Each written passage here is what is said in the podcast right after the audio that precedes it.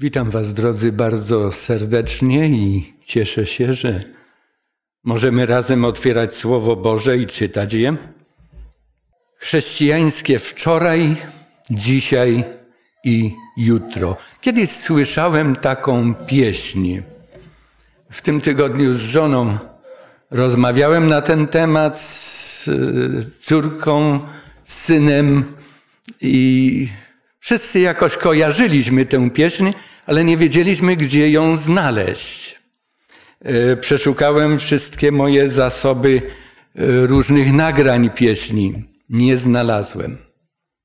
A to właśnie myśl o tej pieśni i treści, która ją wypełnia, e, spowodowały, że zdecydowałem dzisiaj na ten temat mówić z Wami. W tym osiemnastym tekście w ósmym tekście trzynastego rozdziału listu do Hebrajczyków Paweł napisał: Jezus Chrystus wczoraj, dziś, ten sam i na wieki. E, przeżywamy razem no, z całym światem chrześcijańskim. E, różne akcenty są albo nie są kładzione na ten okres, okres który spotyka się ze starotestamentową uroczystością paschalną. Nazywamy te święta świętami Wielkiej Nocy. Jakaż to była Wielka Noc dla Izraela? Oni też mieli coś, co już minęło. Niewola. Wyszli z tej niewoli i rzeczywistość, w której mieli żyć z Bogiem. Ale ciągle koncentrowali się na przyszłości. I często tak jest w naszym życiu, że wiemy dosyć dużo o przeszłości, tęsknimy za przyszłością. Dzisiejsze studium w ostatnim akcencie w szkole sobotniej powodowało, że mieliśmy kłopoty z zakończeniem. Tak bardzo chcieliśmy mówić o tej przyszłości. I ta rzeczywistość nieraz tak bardzo pochłania naszą uwagę, że zapominamy o dniu dzisiejszym, o teraźniejszości, o rzeczywistości, w której żyjemy. Te słowa w liście do Hebrajczyków, że Jezus Chrystus wczoraj, dzisiaj ten sam i na wieki, znaczą coś więcej niż tylko określenie czasów tutaj wymienionych. Zarówno w Księdze Objawienia, jak i w innych księgach Nowego i Starego Testamentu z tym pojęciem spotykamy się raz za razem. Nie zawsze zauważamy go. Ale apokaliptyczne alfa i omega, początek i koniec. Ten, który jest, który był i który ma przyjść. Starotestamentowe jestem, który jestem. Będę, który będę. Jahwe. Wszystkie są nośnikami tych treści o niezmienności Boga.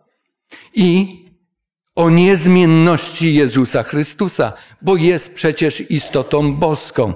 My go znamy najlepiej z okresu, gdy jako człowiek żył na tej ziemi.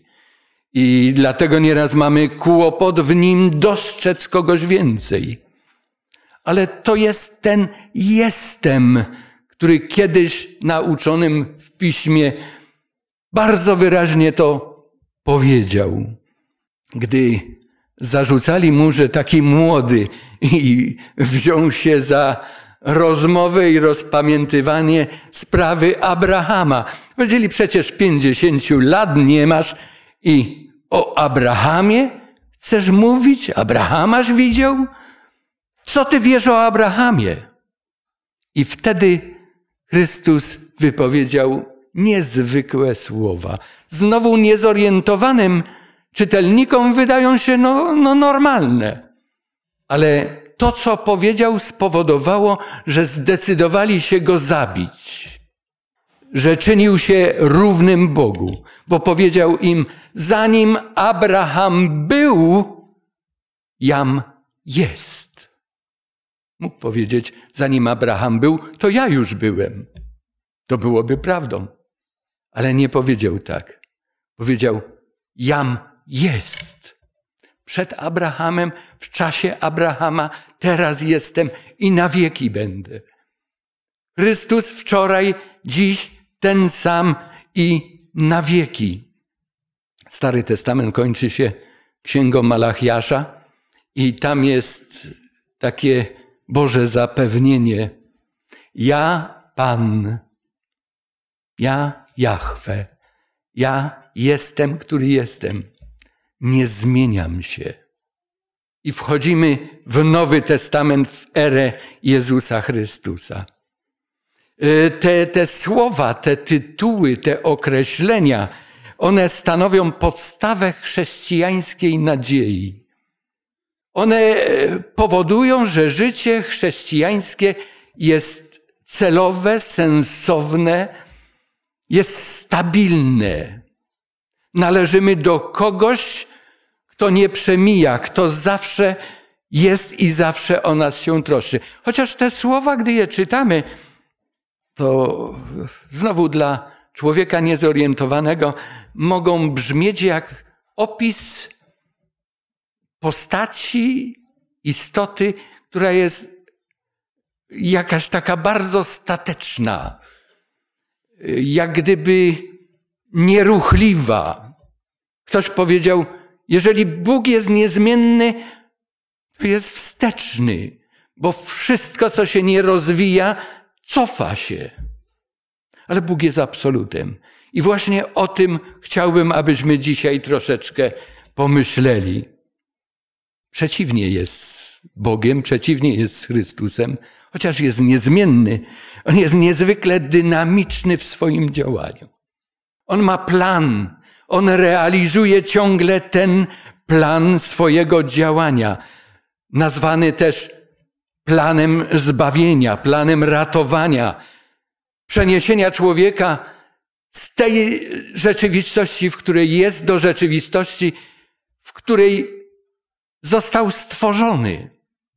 Kwartał, który zakończyliśmy w studium biblijnym w szkole sobotniej, mówił nam o buncie i o odkupieniu. Ktoś powiedział, to jest takie przejście od tego, co było w raju i człowiek to utracił. Życie wieczne, wodę życia, y, drzewo żywota, nieśmiertelność, życie bez łez, w cudownej rzeczywistości. To samo jest nam pokazane w Apokalipsie. Do tej rzeczywistości po skończonym boju Bóg nas doprowadza znowu. A więc Popatrzmy na Jezusa Chrystusa i działanie Jego i działanie całej, całego nieba, chciałoby się rzec. Bo i Ojca, i Syna, i Ducha Świętego, i z listu do Hebrajczyków dowiadujemy się, że również aniołów, wszystkich, którzy są zainteresowani nami, ludźmi grzesznymi, upadłymi ludźmi, ludźmi, którzy Bogu wypowiedzieli posłuszeństwo, którzy zanegowali Jego rady. Wotum nieufności zgłosiliśmy jako rodzaj ludzki wobec naszego Stworzyciela. I apostoł Paweł, pisząc o Jezusie Chrystusie i o tym, czego On dla nas już dokonał, gdzie jest nasze wczoraj, jakie to wczoraj jest. W liście do Koryntian kilkakrotnie do tego nawiązuje. I rozpoczynając ten list, zaraz na początku mówi: Ja, gdy przyszedłem do Was, to uznałem za rzecz słuszną nic innego Wam nie przekazywać, nic innego Wam nie prezentować, do niczego innego Was nie nakłaniać. Ja przyszedłem Wam tylko opowiedzieć o Jezusie Chrystusie, tym ukrzyżowanym. Tym, z którego Grecy się śmieją. Co to za Bóg, który pozwolił się ukrzyżować? Z którego Żydzi się gorszą. Co to za Mesjasz, który pozwolił się przybić do krzyża, do drzewa? Przecież przeklęty jest ten, kto wisi na drzewie. I znowu uzasadnienie stanowiska i z jednej, i z drugiej strony. Apostoł Paweł w piętnastym rozdziale listu do Koryntian, a więc pod koniec tego listu, pisze znowu tak. A przypominam wam, bracia, bo o tym na początku listu już dwukrotnie przynajmniej mówił.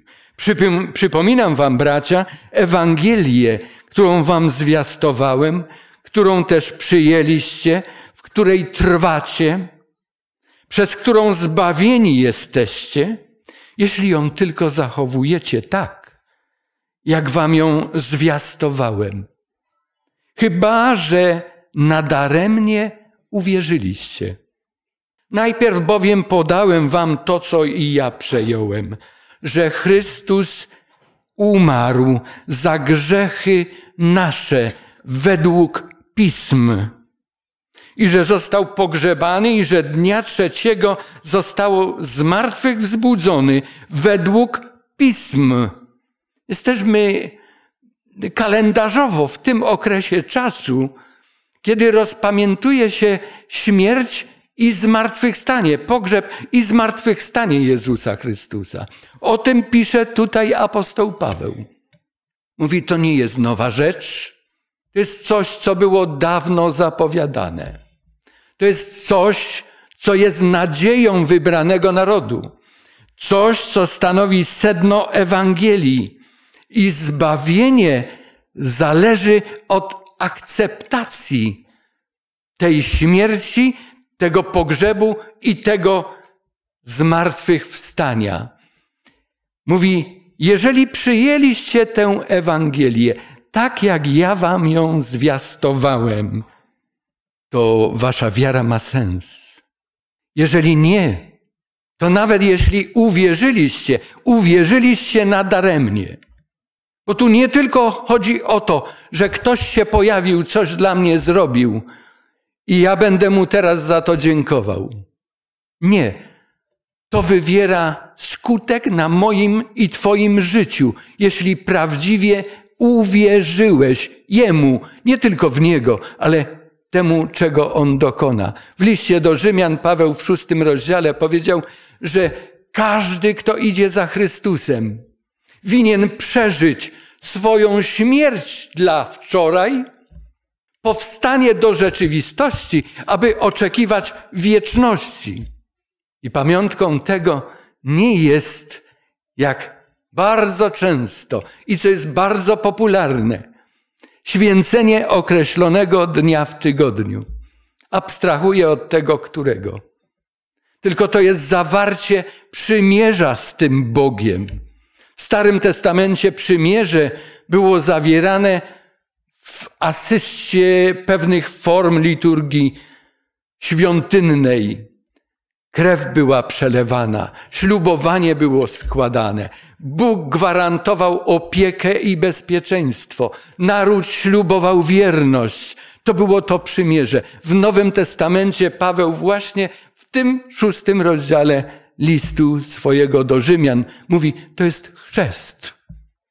Przez chrzest umierasz dla starego człowieka.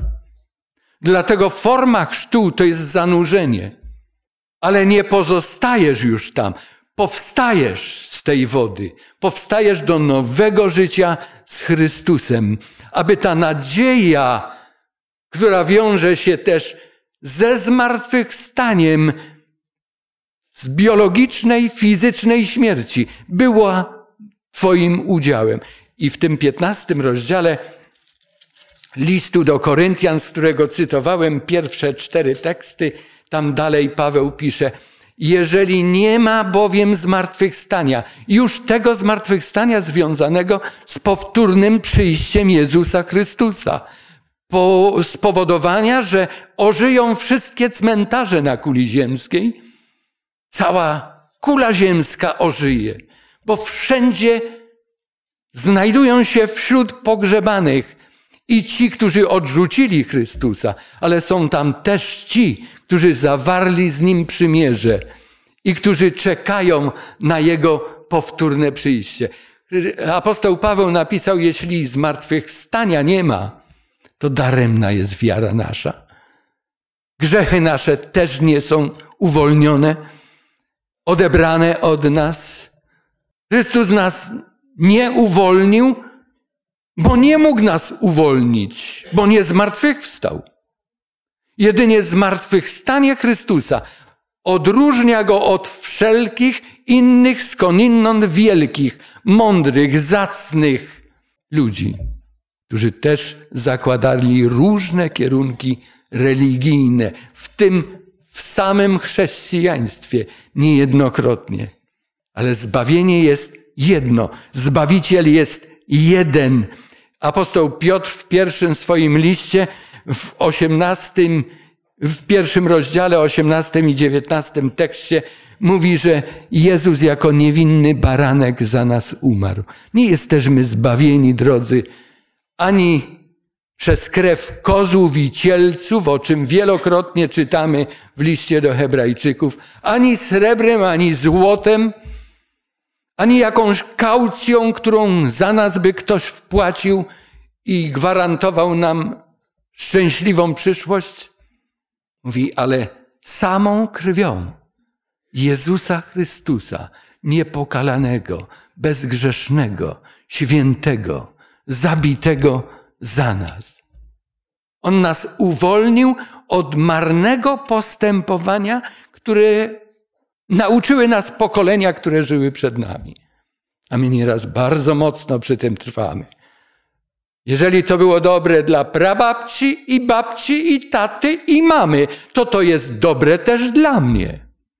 Przyjemnie jest śpiewać Alleluja, ale jeżeli nie przyjąłeś Jezusa Chrystusa, jeżeli On nie jest Twoim Zbawicielem od grzechów i win, a pokładasz nadzieję w czymkolwiek, to to są płonne nadzieje.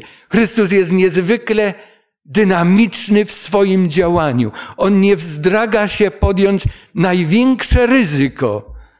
Staną czoło z czołem z najwspanialszą zresztą przez siebie stworzoną istotą, która podjęła później bunt z Lucyferem niegdyś, ale teraz, gdy już się spotkali na tej ziemi z demonem, z wężem starodawnym, ze smokiem, z kimś, kto podstępem starał się upodobnić do Boga.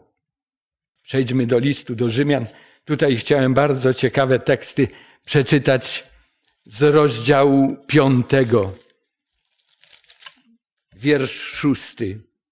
Wszak Chrystus, gdy jeszcze byliśmy słabi, we właściwym czasie umarł za bezbożnych. Rzadko się zdarza, że ktoś umrze za sprawiedliwego. Prędzej za dobrego gotów ktoś umrzeć. Bóg zaś daje dowód swojej miłości ku nam przez to, że kiedy byliśmy jeszcze grzesznikami, Chrystus za nas umarł.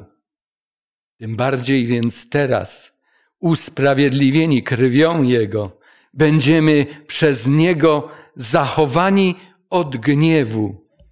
Jeśli bowiem będąc nieprzyjaciółmi, zostaliśmy pojednani z Bogiem przez śmierć Syna Jego, tym bardziej będąc pojednani, dostąpimy zbawienia przez życie Jego i nie tylko to, lecz chlubimy się też w Bogu przez Pana naszego Jezusa Chrystusa, przez którego teraz dostąpiliśmy pojednania. To było wczoraj. To wczoraj jest dosyć od nas w czasie oddalone. Dwa tysiące ponad lat. Albo około. W zależności od tego, jak będziemy liczyli. Ale dwa tysiące lat. To było wtedy. Wtedy zostaliśmy pojednani. Wtedy On nam tę ofertę zgłosił. A pytanie teraz, a kiedy przyjęliśmy to pojednanie? Kiedy ja zawarłem i ślubowałem Mu wierność? Czy to też jest moje wczoraj? Jeżeli tak, to rozpoczęło się dzisiaj i w tym dzisiaj żyjemy. Czy Chrystus tylko nas odkupił? Nie, nie tylko.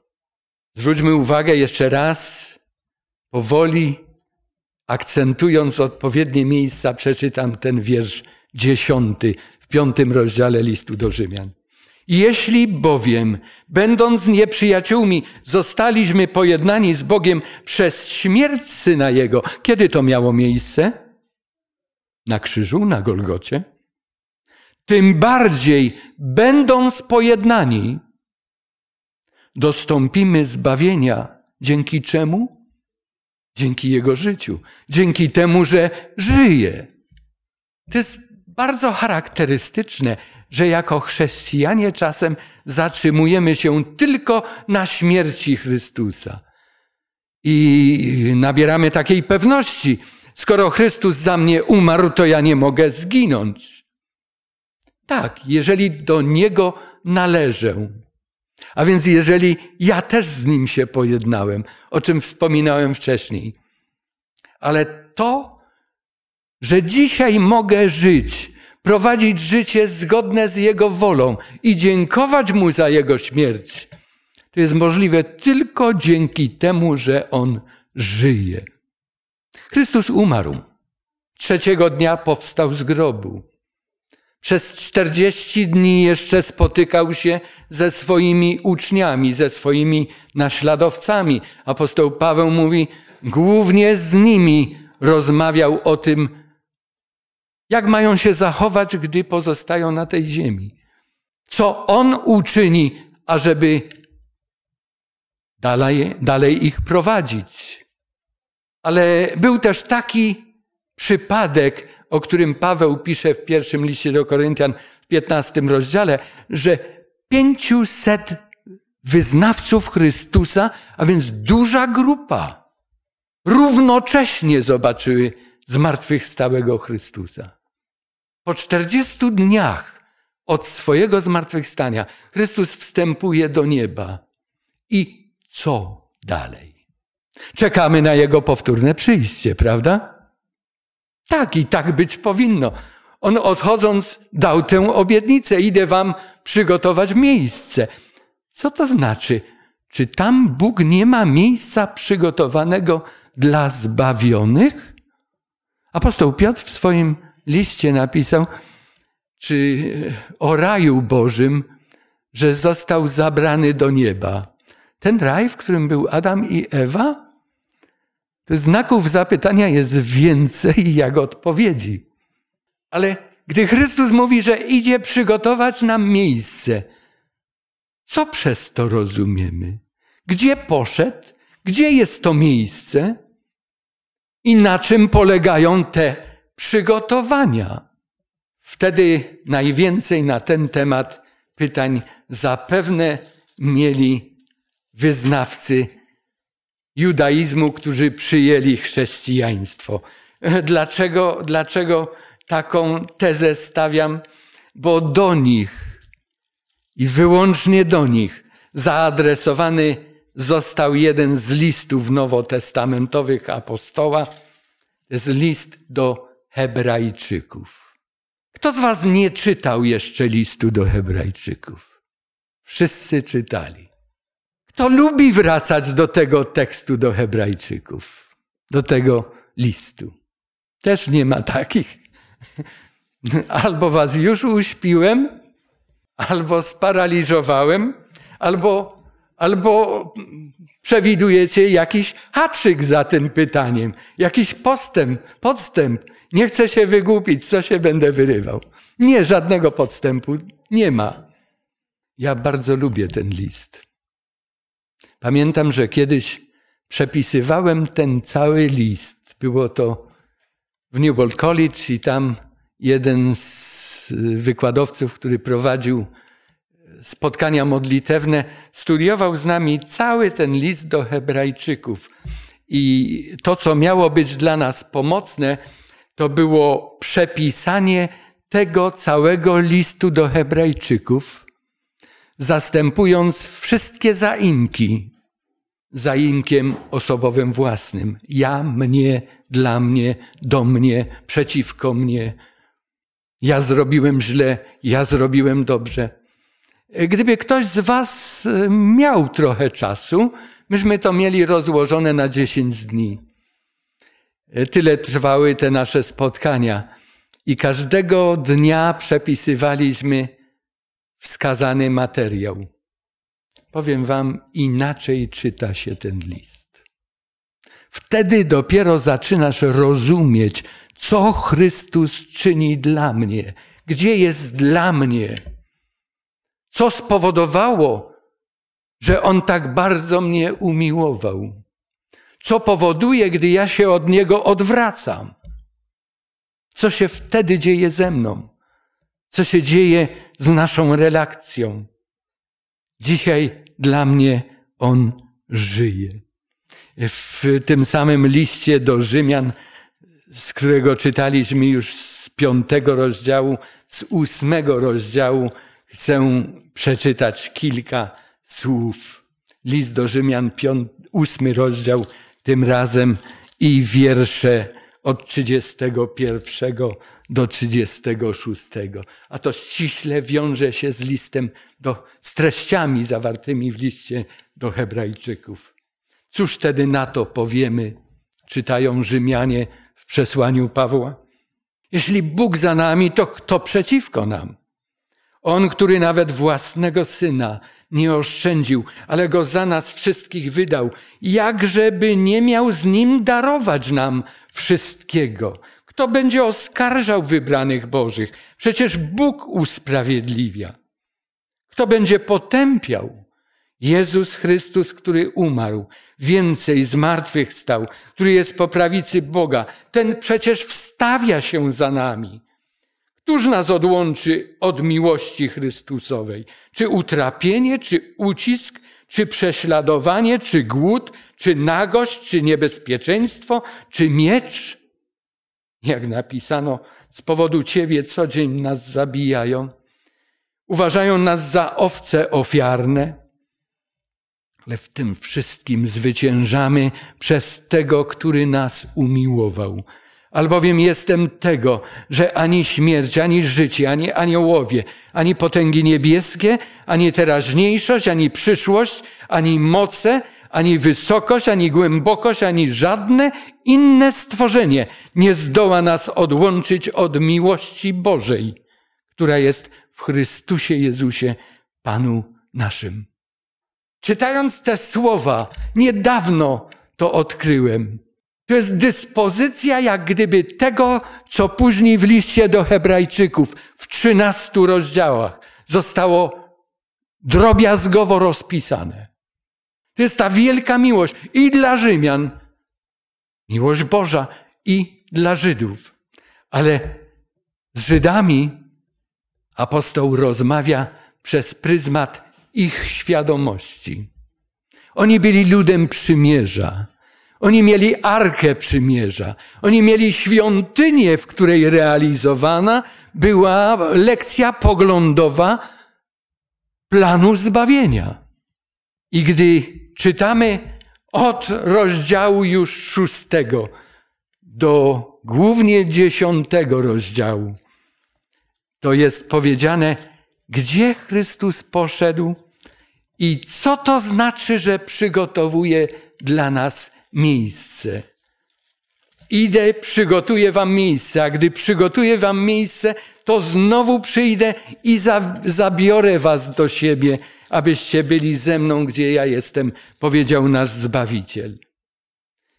Nie mamy czasu, aby czytać wszystko, chociaż tak przygotowując to rozważanie i widząc ogrom tego materiału, zastanawiałem się, czy przynajmniej trzech takich godzin rozważania nie przeznaczyć na to, czego Chrystus dokonuje dzisiaj, przygotowując dla nas miejsce. Gdzie jest to miejsce? Przeczytajmy niektóre teksty z listu do Hebrajczyków. Siódmy rozdział, wiersz dwudziesty czwarty do dwudziestego siódmego. Ale ten mówi o Chrystusie porównując go z kapłanami starotestamentowymi w ziemskiej świątyni, ale ten sprawuje kapłaństwo nieprzechodnie, ponieważ trwa na wieki.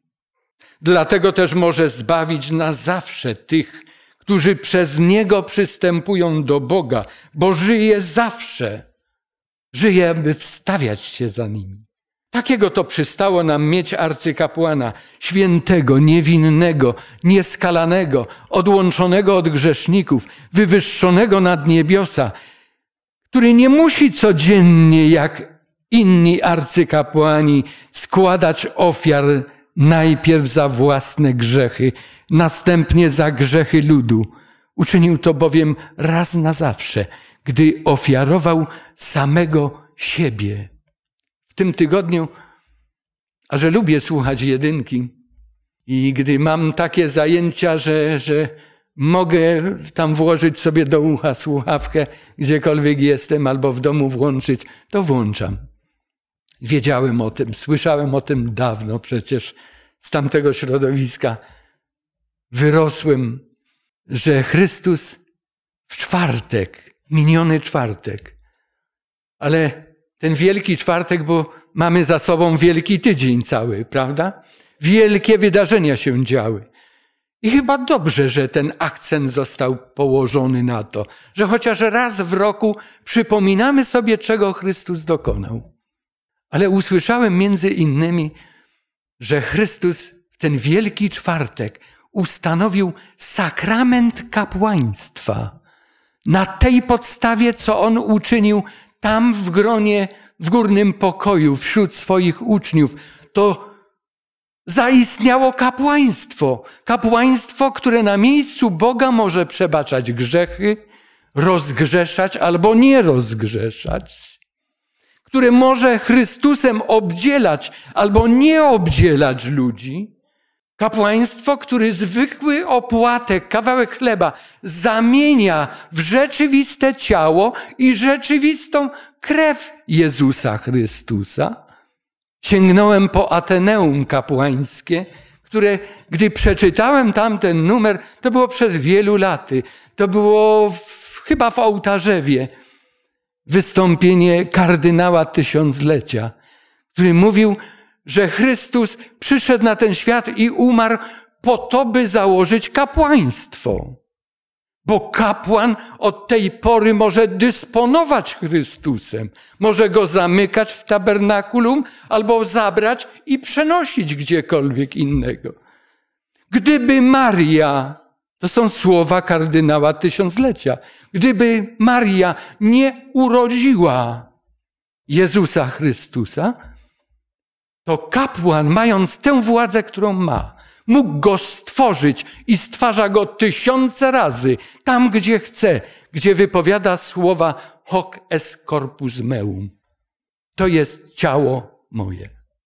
Dobrze jest przypomnieć sobie i przeczytać to, co o kapłaństwie Chrystusa napisał apostoł do ludzi, którzy z kapłaństwem byli związani przez 14 wieków w czasie istnienia świątyni. I wyjaśnił im, że istnieje kapłaństwo tylko lewickie, a więc trzeba się urodzić według ciała i krwi w pokoleniu Lewiego, w domu Arona. Nie wszyscy lewici. Aronici z pokolenia Lewiego mogli być jedynie kapłanami. Albo Melchizedek, o którym też w liście do Hebrajczyków czytamy. Ale to był ktoś, kto był przypodobany do Syna Człowieczego, bo nic nie wiemy o tym, aby miał ojca, matkę, początek, koniec, nic. I on był obrazem na Jezusa Chrystusa. I on ma to nieprzechodnie kapłaństwo, wieczne. To on nas uwalnia od grzechów na mocy nie krwi zwierząt czy czegokolwiek innego, na mocy swojej niewinnie przelanej krwi. Gdzie jest kapłanem? Zaraz kolejne słowa, to już jest ósmy rozdział I czytam dwa pierwsze teksty w liście do Hebrajczyków. Główną rzeczą w tym, co mówimy, jest to, że mamy takiego arcykapłana, który usiadł po prawicy tronu majestatu w niebie, jako sługa świątyni i prawdziwego przybytku, który zbudował Pan, a nie człowiek. Na tej ziemi nie ma świątyni Bożej. Nie ma ani jednego miejsca, które Bóg by wskazał, jak w Starym Testamencie wskazał, że to jest Jego świątynia, że On swoją obecnością tam jest. Nie mylmy od obecności Boga poprzez Ducha Świętego, nawet w sercach ludzkich, które też nazwane są świątynią. W ciałach naszych, które oddane są Bogu, w Kościele Bożym, który tak został nazwany. Ale miejsc pielgrzymek uświęconych tradycjami czy czymkolwiek innym, dekretami, najwspanialszych ludzi, najzacniejszych skądinąd, mądrych, jakże odpowiedzialnych w wielu kwestiach życia, ale jakże bardzo błądzących w podstawowych sprawach, które należą do Boga i do zbawienia. W liście do Hebrajczyków w dziewiątym rozdziale czytamy takie słowa od wiersza 23 do 28. Dosyć długi pasaż, ale trzeba go przeczytać. Jest więc rzeczą konieczną, aby odbicia rzeczy niebieskich były oczyszczane tymi sposobami, tam apostoł pisze o oczyszczeniu świątyni ziemskiej, to był ten Jom Kippur raz w roku, dziesiątego dnia miesiąca Tishri. Specjalne obrzędy się odprawowały, które cieniowały na służbę Boga i Chrystusa. Mówi, te rzeczy które są odbiciem niebieskich, czyli świątynia ziemska, były oczyszczane, ale same zaś rzeczy niebieskie są oczyszczane lepszymi ofiarami niżeli te. Jakimi? Albowiem Chrystus nie wszedł do świątyni zbudowanej rękami, która jest odbiciem prawdziwej, ale do samego nieba, aby się wstawiać teraz za nami przed obliczem Boga. I nie dlatego, żeby wielekroć ofiarować samego siebie, podobnie jak arcykapłan wchodzi do świątyni co roku z cudzą krwią. Gdyż w takim razie musiałby cierpieć wiele razy od początku świata, ale obecnie objawił się on jeden raz z usyłku wieków dla zgładzenia grzechu przez ofiarowanie samego siebie. A jak postanowione ludziom jest raz umrzeć, potem sąd, tak Chrystus raz ofiarowany, aby zgładzić grzechy wielu. Drugi raz okaże się nie z powodu grzechu, lecz ku zbawieniu tym, którzy go oczekują. Jezus Chrystus umarł raz. Nie da się ponowić jego ofiary, chyba że zanegujemy wystarczalność ofiary na krzyżu. To musimy ponawiać. My ludzie mamy tę tendencję, aby poprawiać po czymś. Mój też, niektórzy go pamiętają, był stolarzem, był cieślą też. I byłem zdziwiony, jakim rzemieślnikiem, jakim precyzyjnym, dokładnym był w operowaniu naczyn, narzędziami, którymi się posługiwał. Siekierą, toporem, piłą. I takie powiedzenie czasem padało z jego ust, które słyszał od starszych od siebie. Hebluj, synu, hebluj. Przyjdzie ojciec z toporem, to wygładzi. Tak my nieraz chcemy ponowić ofiarę Jezusa Chrystusa. Jak? Powtarzam, musielibyśmy zanegować krzyż. A jeżeli zanegujemy krzyż, to co nam zostaje? I tutaj jest powiedziane, gdy Chrystus przyjdzie powtórę. Kiedy przyjdzie powtórę? Gdy dokończy tej służby.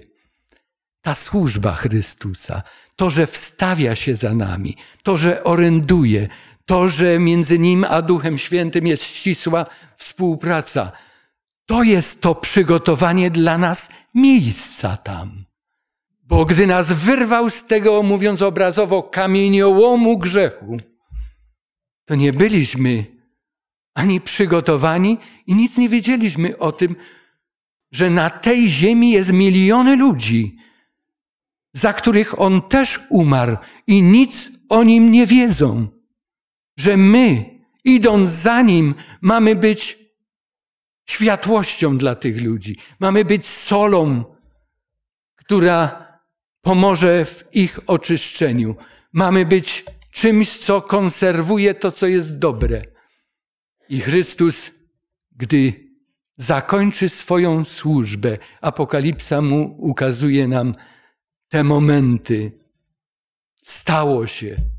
Do tej świątyni już nigdy więcej nie ma dostępu. Koniec czasu łaski. Nie dlatego, że Bóg arbitralnie zarządził koniec. Nie, dlatego, że już nikt nie chce korzystać z tej łaski. Jest pytanie, czy ja tym czasie łaski z niej korzystam. On przygotowuje miejsce dla mnie, przygotowując mnie do tego miejsca. Tak jak powiedziałem, chciałoby się dużo bardzo wyrazistych tekstów czytać z listu do Hebrajczyków. Może się uda w przyszłości kiedyś jeszcze wrócić do tematu. Ale wiersz 28 mówił, że gdy po raz drugi Chrystus się pojawi, to pojawi się ku zbawieniu tym, którzy go oczekują. Przyjdę i zabiorę was do siebie, abyście gdzie ja jestem i wy byli. Apostoł Jan, który słyszał te słowa, zapisał je w, Ewangelii, odwołuje się do tej myśli w pierwszym swoim liście i w trzecim rozdziale. Czytam od wiersza pierwszego. Patrzcie, jaką miłość okazał nam Ojciec. Zostaliśmy nazwani dziećmi Bożymi i nimi jesteśmy. A więc nie tylko nas nazwał, on nas przyjął. Jesteśmy nimi. Dlatego świat nas nie zna, bo Jego nie poznał. Umiłowani teraz dziećmi Bożymi jesteśmy, ale jeszcze się nie objawiło, czym będziemy, lecz wiemy, że gdy się objawi, do Niego będziemy podobni i ujrzymy Go takim, jakim jest. I każdy, kto tę nadzieję w Nim pokłada, oczyszcza się tak, jak On jest czysty. Na tym polega nasza teraźniejszość. Korzystanie z tej łaski Jezusa Chrystusa jako arcykapłana. W Apokalipsie w 20 rozdziale i to już na końcu tego, w 22 rozdziale i to już na końcu tego rozdziału, bo w wierszu 20 czytamy słowa. Tak mówi ten, który świadczy o tym. Tak, przyjdę wkrótce łaska Pana Jezusa Chrystusa niech będzie z wszystkimi. Tak, amen. Przyjdź, Panie Jezu. A więc łaska Chrystusa, Jego powtórne przyjście, nasza rzeczywistość, nasze korzystanie z Jego łaski, wyzbywanie się tego, co nam przeszkadza być do Niego podobnymi, to jest nasze dzisiaj. Czekamy na jutro i dobrze, i myślmy o jutrze. I dążmy do tego jutra, dążmy do tego spotkania.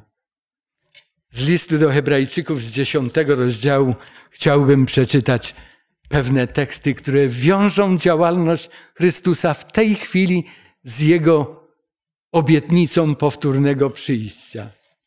Dziesiąty rozdział, wiersz dziewiętnasty do dwudziestego piątego.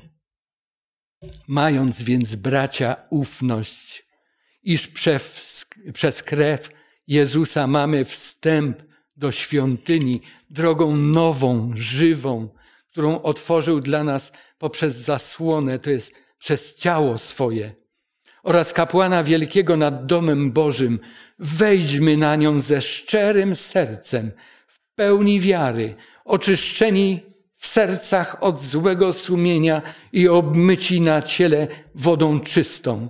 Trzymajmy się niewzruszenie nadziei, którą wyznajemy, bo wierny jest ten, który obiet, dał obietnicę. I baczmy jedni na drugich w celu pobudzenia się do miłości, do dobrych uczynków, nie opuszczając wspólnych zebrań naszych, jak to jest u niektórych w zwyczaju, ale dodając sobie otuchy, a to tym bardziej im lepiej widzicie, że się ten dzień przybliża. Bo jeśli otrzymawszy poznanie prawdy, rozmyślnie grzeszymy, nie ma już ofiary za grzechy. Mógłbym czytać dalej, ale chcę przeczytać z tego rozdziału jeszcze od wiersza 35 kilka tekstów. Nie porzucajcie więc ufności waszej, która ma wielką zapłatę. Albowiem wytrwałości wam potrzeba, abyście, gdy wypełnicie wolę Bożą, dostąpili tego, co przyobiecał. Bo jeszcze tylko mała chwila, a przyjdzie ten, który ma przyjść i nie będzie zwlekał. A sprawiedliwy mój z wiary żyć będzie. Jeśli się cofnie, nie będzie dusza moja miała w nim upodobania. Ale my nie jesteśmy z tych, którzy się cofają i giną. Jesteśmy z tych, którzy wierzą, wierzą i zachowują duszę, zachowują życie. Drogi Boże, dziękuję Ci za to, że jesteś, że jesteś taki, jaki jesteś, niezmienny. Chryste, że Ty wczoraj, dziś taki sam jesteś na wieki, że wszystkie Twoje obietnice, wszystkie rady, wszystkie działania zmierzają do tego, aby nas przyjąć do siebie i abyśmy byli na wieki w Twoim królestwie i w naszym domu, bo Ty jesteś naszym Ojcem. To jest Twój dom, dom naszego Ojca. Przystąpmy wobec tego, bracia i siostry, do tronu łaski. Przystąpmy do tej społeczności, utrzymujmy tę relację, która jest naszym zbawieniem. Sprawiedliwy? Kto jest sprawiedliwy? Jedynie ten, którego Ty, Jezu, swoją krwią usprawiedliwiasz. Daj, abyśmy szczerze przyjęli to zbawienie, bo sprawiedliwy z wiary żyć będzie. Chcemy żyć z Tobą na wieki. Amen.